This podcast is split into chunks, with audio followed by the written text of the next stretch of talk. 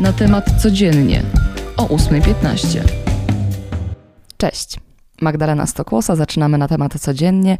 Jest środa, 9 listopada. Na początek wyprawa do Brukseli ministra do spraw europejskich z gotowością do dialogu, jak zaznacza Szymon Szynkowski-Welsenk. Będzie rozmawiał z komisją na temat pieniędzy z Krajowego Planu Odbudowy dla Polski. Środki, jak wiemy, zostały zablokowane, a powodem nieprzestrzeganie umów międzynarodowych. Teraz Polska musi wypełnić tak zwane kamienie milowe, by środki europejskie popłynęły do naszego kraju szerokim strumieniem. A o jakich kamieniach mowa? Najważniejsze to niezależność sądownictwa, ale też wzrost wykorzystywania odnawialnych źródeł energii. Dziś w Warszawie ma się odbyć ogólnopolski strajk służb mundurowych. Do stolicy ma zjechać 6 tysięcy funkcjonariuszy z całego kraju, policjantów, strażaków, celników czy pograniczników. Związki zawodowe służb mundurowych domagają się podwyżek adekwatnych do poziomu inflacji na poziomie 20%. Drugim postulatem jest stworzenie systemów motywacyjnych, tak by funkcjonariusze nie rezygnowali ze służby. Rada Polityki Pieniężnej dziś podejmie decyzję w sprawie kolejnej podwyżki stóp procentowych i tym razem eksperci są podzieleni w swoich spekulacjach. Część mówi, że będzie podwyżka, ale nieznaczna, część, że już nie będzie.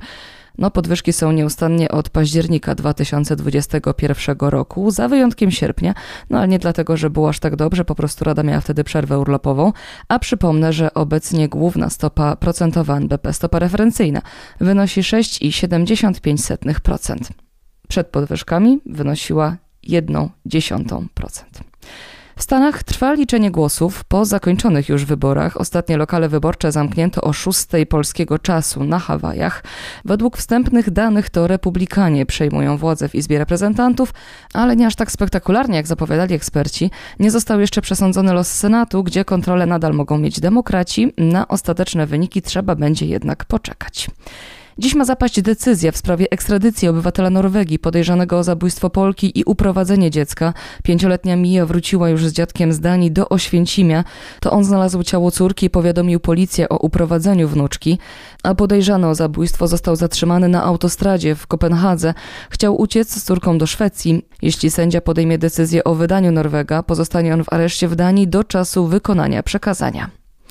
Co ze sportu? Polskie szczypiornistki dziś powalczą w ostatnim meczu fazy grupowej Mistrzostw Europy po drugiej stronie boiska Czarnogóra i żeby być pewnym awansu do drugiej rundy Polki muszą dziś wygrać, no albo chociaż zremisować, bo i wygrana i remis pozwoli im wyjść z grupy. Początek meczu o 18. A o 17 polskiego czasu na kortach w Glasgow walkę rozpoczną polskie tenisistki. Po raz pierwszy w historii powalczą o Billie Jean King Cup. Nasz kraj reprezentują Magdalinet, Magdalena Fręch, Katarzyna Kawa, Martyna Kubka i Alicja Rosolska. Zabrakło Igi Świątek, która no, musiała zrezygnować ze startu z powodu walki w WTA Finals.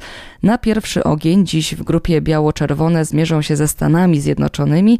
No i nie ma co ukrywać, że to nie nasza reprezentacja jest faworytem, tym bardziej trzymamy mocno kciuki.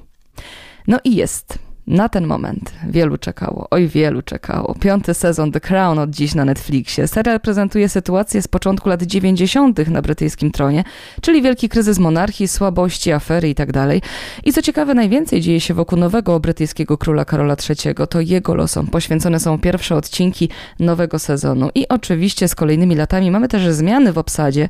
Królową zagra genialna Imelda Staunton, a księcia Dominic West. Będzie to mocny sezon, zapowiadają tak i krytycy, e, i producenci oczywiście, a ja zaryzykuję stwierdzeniem, no, że może paść rekord w liczbie oglądających. Magazyn People ogłosił najseksowniejszego mężczyznę świata 2022 roku. To kapitan Ameryka, aktor Chris Evans. Już w zeszłym roku był typowany do nagrody, ale zgarnął mu ją też grający w uniwersum Marvela, Paul Rudd. Co powiedział po odebraniu nagrody? Że mama będzie z niego dumna. No i się nie mylił. Matka aktora w rozmowie z magazynem przyznała, że tytułem nie jest zaskoczona. No cóż, ja też nie. I na tym dziś się z Wami żegnam. Magdalena Stokłosa. Dzięki. Do usłyszenia. Cześć.